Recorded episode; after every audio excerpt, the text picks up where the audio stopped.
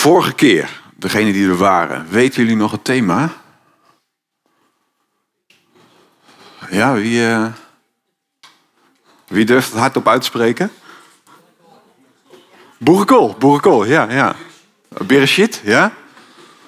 En weten jullie de strekking ook nog een beetje?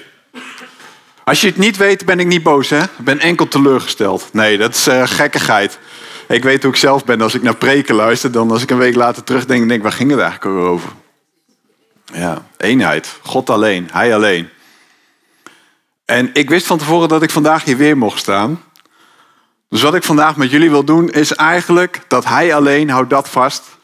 Daar wil ik een beetje op doorgaan vanmorgen met jullie.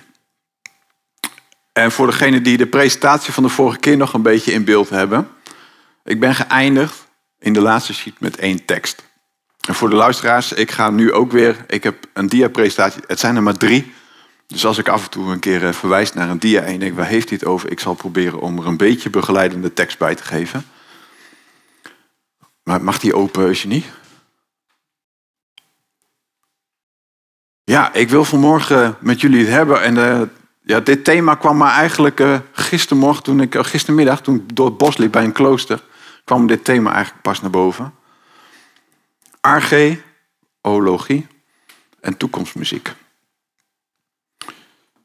Het sluit een beetje aan bij de dubbele titel van vorige keer, van twee weken terug. Brashid en boerenkool. Hoe ik bij beide kom, daar heb ik zo meteen... Uh, nou, ik hoop dat dat ook vanzelf duidelijk wordt. Wat ik vanmorgen met jullie wil lezen, is Johannes 1. Wie weet wie Johannes geschreven heeft? Johannes. Weten jullie ook wanneer Johannes geschreven is? Ongeveer, hè? Ja, dat wordt erover gezegd. 90 na Christus. 90 na Christus. Dan hebben we dus de tijd van Nero gehad. Keizer Nero, die gebruikte christenen, volgelingen van Jezus als fakkels in zijn eigen achtertuin. Dat hebben we gehad in 60 na Christus. En denk je, nou dan hebben we dat gehad hè. Maar in 90 na Christus was er een andere keizer aan de macht.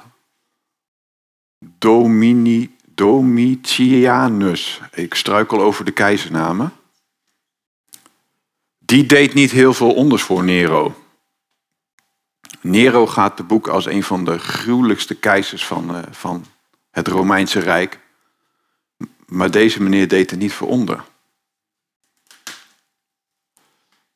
Even terug naar boek Johannes. Wat was het doel waarmee Johannes het boek geschreven heeft? Weet iemand dat ook? In heel veel Bijbelboeken lees je het doel van waarom iemand iets schrijft, of helemaal aan het begin, of aan het eind. Ja. Ik schrijf u dit Zeg maar, ik kan nog veel meer vertellen, maar ik schrijf u dit opdat u gelooft dat Jezus Christus de Zoon van God is. probeer dat in je achterhoofd te houden. Hij alleen. Ik schrijf u dit. Dus het hele boek Johannes staat in het teken om aan te tonen aan de mensen. Dus 90 na Christus, hè? je was je leven niet helemaal zeker als volgeling. Hij alleen. Houd vast.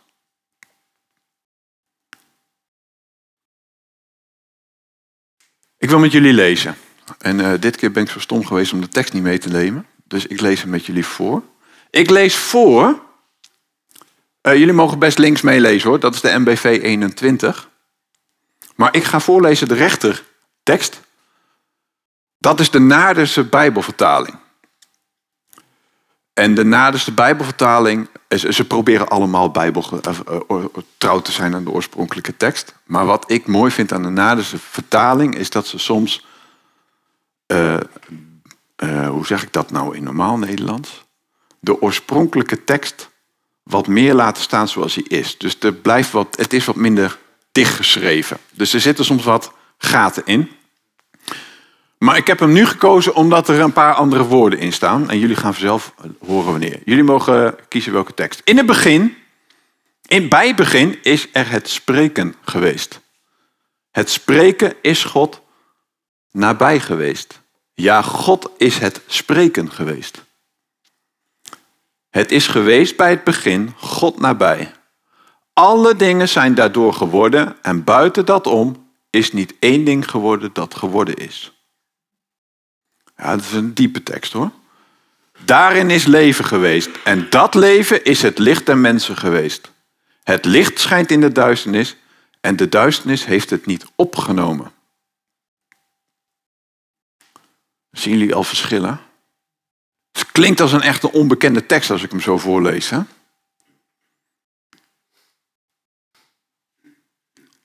Dan kom ik bij het eerste deel van de titel, archeologie. Het woordje arche, bij begin. En vandaar dat ik de naardense zo mooi vind in dit geval. Het geeft iets van het oorsprongsverhaal weer, waar ik twee weken terug ook over mocht hebben. Brashit. We weten niet precies wat het betekent. Wat Johannes hier heel krachtig doet, en daarom zeg ik, het is een best ingewikkelde tekst. Maar we mogen niet vergeten, 90 na Christus is de tijd van de Hellenistische filosofie, van de wijsbegeerte. Het denken stond enorm hoog in het vaandel. Ik denk dus, ik besta is van een veel latere orde, maar het zit er wel in de, in de denkwijze. Dus als je de tekst leest, dan is het een puur Hellenistisch filosofische wijsheidstekst. Maar wat hij doet, is heel kunstig.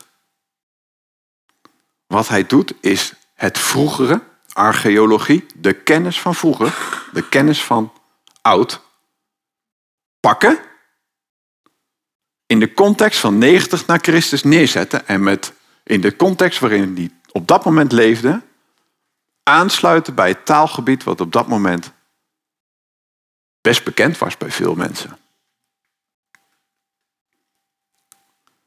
En waarin hij dan aansluit, is alleen al in het woordje arge. Het begin, in een begin, oorsprong. Ze kunnen exact drie dezelfde betekenissen hebben als Bereshit, waar ik twee weken het eerste weer het woord van Genesis. Hij alleen. Dus hij zet helemaal het begin, zet hij de lijn van God staat aan het begin van de wereld. En ook nu is hij erbij. Nogmaals, het was echt geen leuke tijd. Je kon gewoon vermoord worden om het feit dat je Jezus volgde. Dat had zo zijn reden. En ik snap eigenlijk wel waarom. De christenen van die tijd vierden de Eucharistie. Wij noemen het in de Rooms-Katholiek de Eucharistie. Daarin wordt, als je het avondmaal viert, dan vieren wij dat het brood het lichaam is en de, en de beker het bloed. Dus een hele hoop Romeinen dachten dat we kannibalen waren. Ah, daar kun je beter in zo'n zo'n nette samenleving, even tussen aanhalingstekens, want zo netjes was het niet, kun je maar beter afrekenen met dat soort lugubere types. En als ze dan ook nog de keizercultus uh, uh, onderuit halen, omdat ze Jezus alleen eren en niet de keizer, ja, dan wordt het wel ingewikkeld voor de christenen in die tijd. Maar wat Johannes doet, is elke keer weer die focus naar hem alleen. In het Grieks gebruikt hij het woord logos. Woord. Maar het mooie is, dat is prima. Het mooie is dat je voor logos ook spreken kunt gebruiken. En dan past het weer veel mooier bij de geschiedenis van Genesis. God sprak en het was er. Hij pakt wederom de kennis van toen in de context van nu.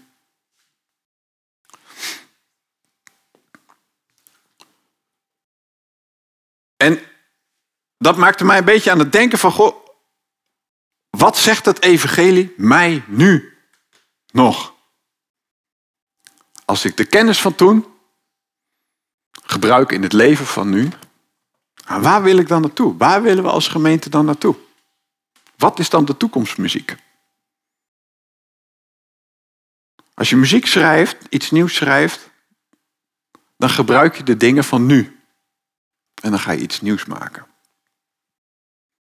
Sommige mensen zeggen dat alle succesvolle nummers geschreven zijn in een drie akkoorden. Ik weet niet precies welke. Dus als je iets succesvols moet doen, moet je drie drie gebruiken. En dan heb je altijd een, eh, een klapper van een eh, hit. Ik weet niet of dat zo met ons geloof, met het evangelie werkt. Dat als wij uh, drie ingrediënten bij elkaar komen, dat, dan, dat we dan over een uh, jaar of zo de zaal drie keer zo groot moeten maken. Misschien wel drie keer zo klein. Want dat is met muziek, je weet het niet.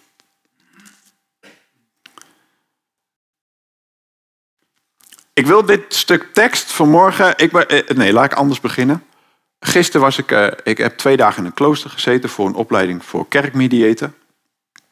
En in dat klooster was een hoop stilte-moment. En dat is heel ongemakkelijk stilte. Maar na drie keer begon ik er wel van te genieten van die stilte.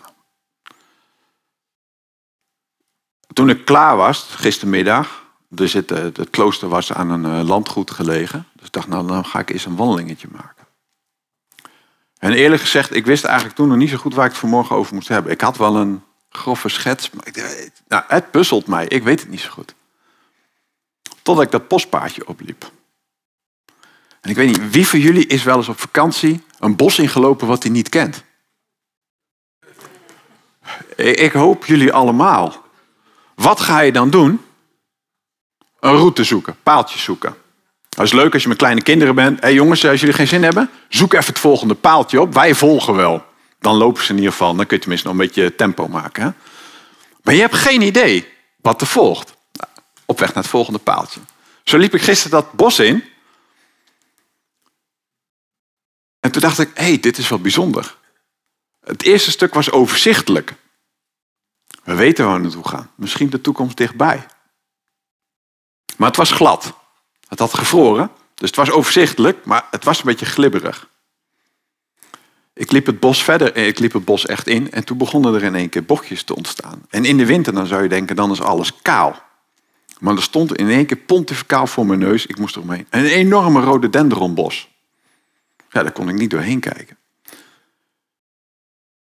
In een bos leven we niet in gevaar. Dus wat doen we in Nederland als we door een bos lopen? Dan worden we nieuwsgierig. Wat zou er na het bosje zitten? Welke kant gaan we op? Wat komen we tegen? Het bleek een, uh, een wijds uitzicht te zijn met een bankje. Zo'n typisch, op het moment dat dan s morgens heel vroeg de zon opkomt, zo'n zo'n fotomomentbankje. Dan dacht ik, oh, dit is bijzonder. Het was eh, midden in de middag en ik wilde eigenlijk wel weer naar mijn familie toe. Na eh, twee dagen in een klooster zitten. Dus ik dacht, ik loop het rondje gewoon verder. Maar ik wilde wel even landen en schakelen en genieten van het moment waar ik was. En toen liep ik een slingerpaadje in. En midden in dat kale bos, een plek vol met rode denderons. Daarna een omgevallen boom, midden in het pad. Waar ze dan een stuk uitgezaagd hadden, anders dan moest je er omheen lopen. Wat wil ik hiermee zeggen? Aansluiten bij vroeger, gebruiken in het nu. In mijn leven, en ik ben er heilig van overtuigd, en correct me if I'm wrong, dus echt corrigeer me als jullie het niet zo ervaren, gebeuren er dingen in je leven die echt niet tof zijn. Als je gaat kijken in de tijd van de eerste christenen in 90 na Christus gebeurden de dingen die echt niet tof zijn. Die echt niet te rijmen zijn met hoe Jezus zelf leefde. Als je denkt aan je eigen leven van vroeger, dan zijn er dingen gebeurd misschien waar je nu nog last van hebt.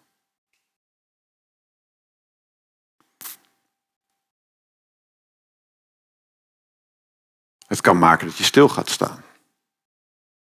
Denk ik, ik doe geen stap verder meer.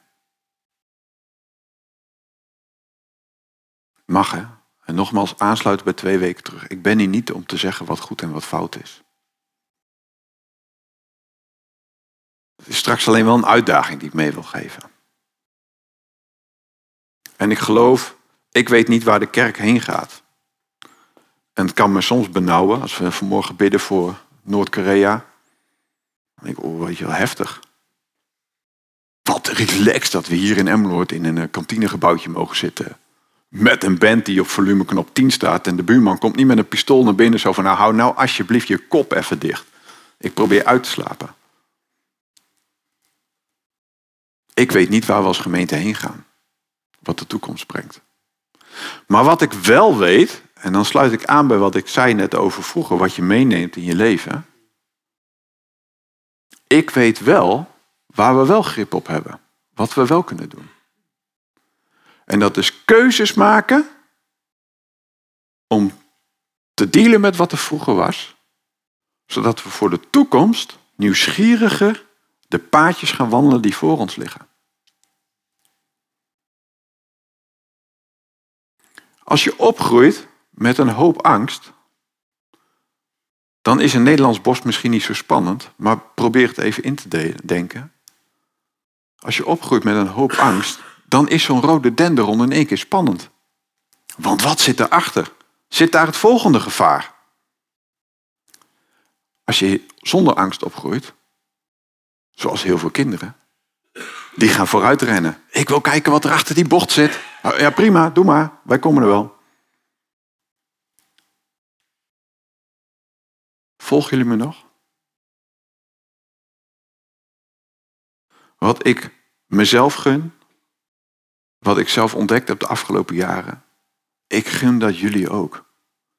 Zeker als ik denk aan de tijd waarin we nu leven, net voor de eindtijd genoemd.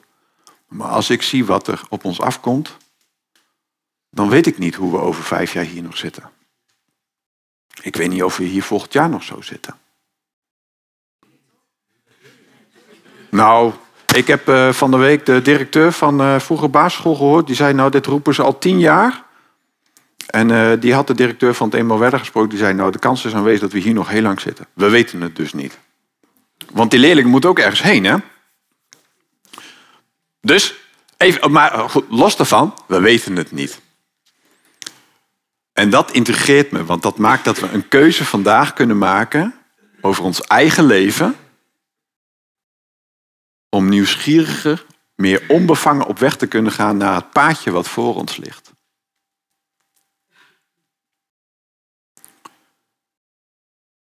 Wetend dat we staan, en dan, nou, dan komt mijn Rooms-Katholieke roots, dus dat we staan in een eeuwenoude traditie. Weet je, de Hebreeën zegt, weet je, hoeveel getuigen zijn ons voorgegaan? En wij hebben de positie in Nederland om keuzes te maken die werken aan onze eigen gezondheid. Als je nu in Noord-Korea zit, ja, als je dan een traumatische jeugd hebt, ja, hé hey, jongens, ik wil eten. Net werd er ook gebeden. Net werd er ook gezegd, ik wil gewoon brood op de plank, ik wil eten. Voor het meeste mensen van onder in Nederland, en ik hoop ook onder ons, is het niet zo moeilijk. Want je kunt zelfs vandaag nog naar de Albert Heijn je broodje halen als je niks in huis hebt. Dus we leven in een positie waarin we, als we nu denken, achter de rode dendron is het spannend, dan leven we nu, dan heb jij de keuze om nu te denken, wat kan ik eraan doen om achter de rode dendron te kijken en wat meer ontspanning daarin te vinden minder zorgen te maken. Een Afrikaans gezegde luidt: Als de ouders de stenen niet opruimen, dan struikelen de kinderen erover.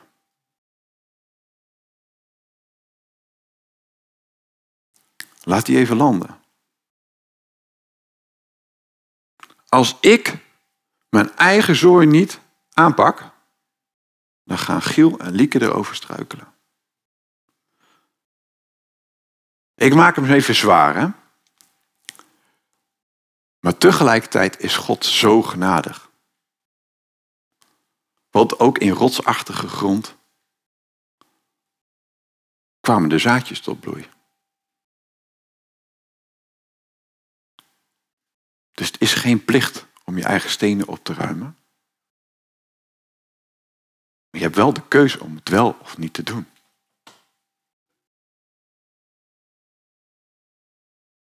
Wat zegt dit voor de kerk over de toekomst?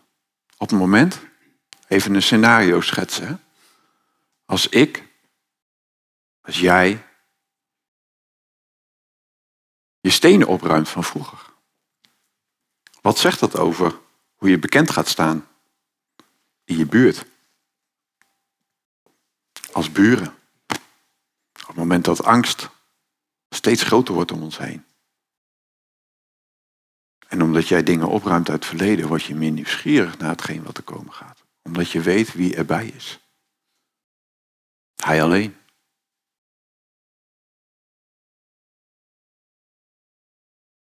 De zaal kon er wel eens anders uit gaan zien. Misschien kiezen wij er dan wel voor om minder in deze zaal te zitten.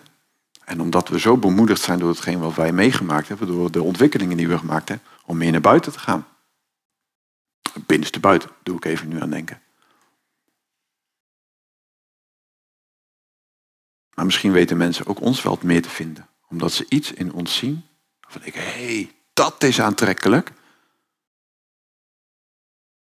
Dus het gaat wat mij betreft dan verder dan Jezus is gestorven voor mijn zonde. Voor jouw zonde. Jezus' doel is altijd de heelheid. Met de hoop dat hij eens heel zou maken wat nog niet heel is.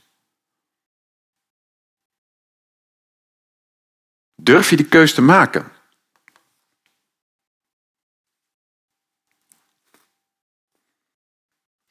Afsluiten met drie vragen. Maar ik wil, nee, ik wil afsluiten. daarna wil ik nog een kort bemoedigingsbeeld meegeven. Jullie hebben wel begrepen, ik ben een beelddenker. Ik wil afsluiten met drie vragen. Waarin zou jij willen groeien? Als je het hebt over de kerk van de toekomst. Wat gebruik je uit je verleden? En waar zou je dan naartoe willen groeien? Wat heb je daarvoor nodig? En wie van ons en hoe zouden wij jou daarbij kunnen helpen?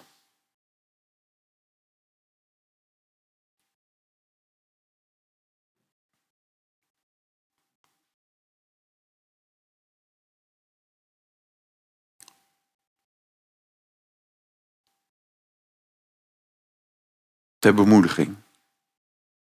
Het zijn moeilijke vragen, hè? dus als je nu geen antwoord hebt, als je denkt, oh, dit gaat mij echt, uh, ik krijg hier jeuk van, prima. Laat die jeuk maar even bestaan. Eh, ik vind het goed, hè. Als je denkt, oh, hier wil ik mee aan de slag, doe dat lekker. Als je nu al denkt, ik heb hier wat, nou, ga dan zo bij de koffie denken van, nou, ik ga iemand aanspreken. Of bel degene even. Maar ik wil jullie het laatste meegeven. Ter bemoediging het beeld van de boer. We leven hier op kleigrond. Fantastisch. Er staan namelijk eigenlijk weinig stenen in. Nu nog. Maar voor degenen die wat langer hier op deze kleigrond uh, boeren. Vroeger, toen de polder net ingepolderd was, lagen hier enorme zwerfkeien in de grond. Er zijn weet niet hoeveel ploegen kapot gegaan hier in de polder, omdat er weer zo'n stomme zwerfkei lag. Dan kun je denken, nou die laat ik liggen, ik ploeg er wel omheen. Maar ja, volgend jaar kom je hem weer tegen. En het punt met zwerfkeien is, is dat ze altijd omhoog komen. Boomstronken in de polderklei, misschien nieuw voor jullie, komen altijd omhoog. Op een of andere manier zit er iets in de grond waardoor je denkt, wat er niet in zit, dat moet eruit komen. Zoveel breekbouten. Ik vroeger als klein jochie, ik was al 16 jaar, niet zo'n heel groot jochie. Ik heb heel wat breekbouten van een ploeg moeten vervangen, omdat er weer zo'n achterlijke oerboom in mijn ploeg was gekomen. Of in de ploeg die ik achter de trekker had. En dan kon ik weer opnieuw beginnen. Ploeg optillen, boutje eruit, boutje erin stronk op het land gooien. Want ja, die, uh, hopelijk zijn ze niet al te zwaar. Of een vlaggetje neerzetten op het moment dat hij te groot was. En dan gingen we verder ploegen. Maar dat bleek wel, dan moesten we wel in het seizoen die boomstronk uit het, uit het land graven. Het land was er niet minder vruchtbaar om. Dat is het bemoedigende eraan. Hè? Want die boom die bleef zitten, want daar konden we niks mee. Want het was winter. Dus dan ga je niet met een graafmachine het land op, want dan rij je alles aan gort. Dus die boom bleef zitten het hele seizoen. Vlaggetje erin, boom blijft zitten. Als het dan de, de oogst van het land is, dan is het droog. dan kunnen we met de graafmachine die boom er wel uithalen. Maar het land was net zo vruchtbaar. Wat je eruit kunt halen, dat haal je er als boer uit. Dat deden ze in Israël ook. Je wil zo netjes mogelijk werken. Dat is de opdracht van de boer. Stenen ruimen, rommel op van je land afhalen. Dan ga je het land klaarmaken. Want je wilt het zaadbed, het zaaibed, zo gunstig mogelijk hebben. Dat is ook de taak van de boer. Vervolgens gaat hij zaaien. Ik werk nu op een biologisch akkerbouwbedrijf. En ik kan op mijn telefoon tot op het zaadje nauwkeurig uitrekenen hoeveel ik wil verzaaien. Want dat noemen ze een precisiezaaimachine. Maar ik weet niet of jullie wel eens iemand hebben zien zaaien. In het begin, voordat de trekkers en precisiezaaimachines waren. Dan hadden ze een grote schaal voor hun aan een band. En dan graaiden ze er met de hand uit en dan was het hey, hey. En dan zo overal.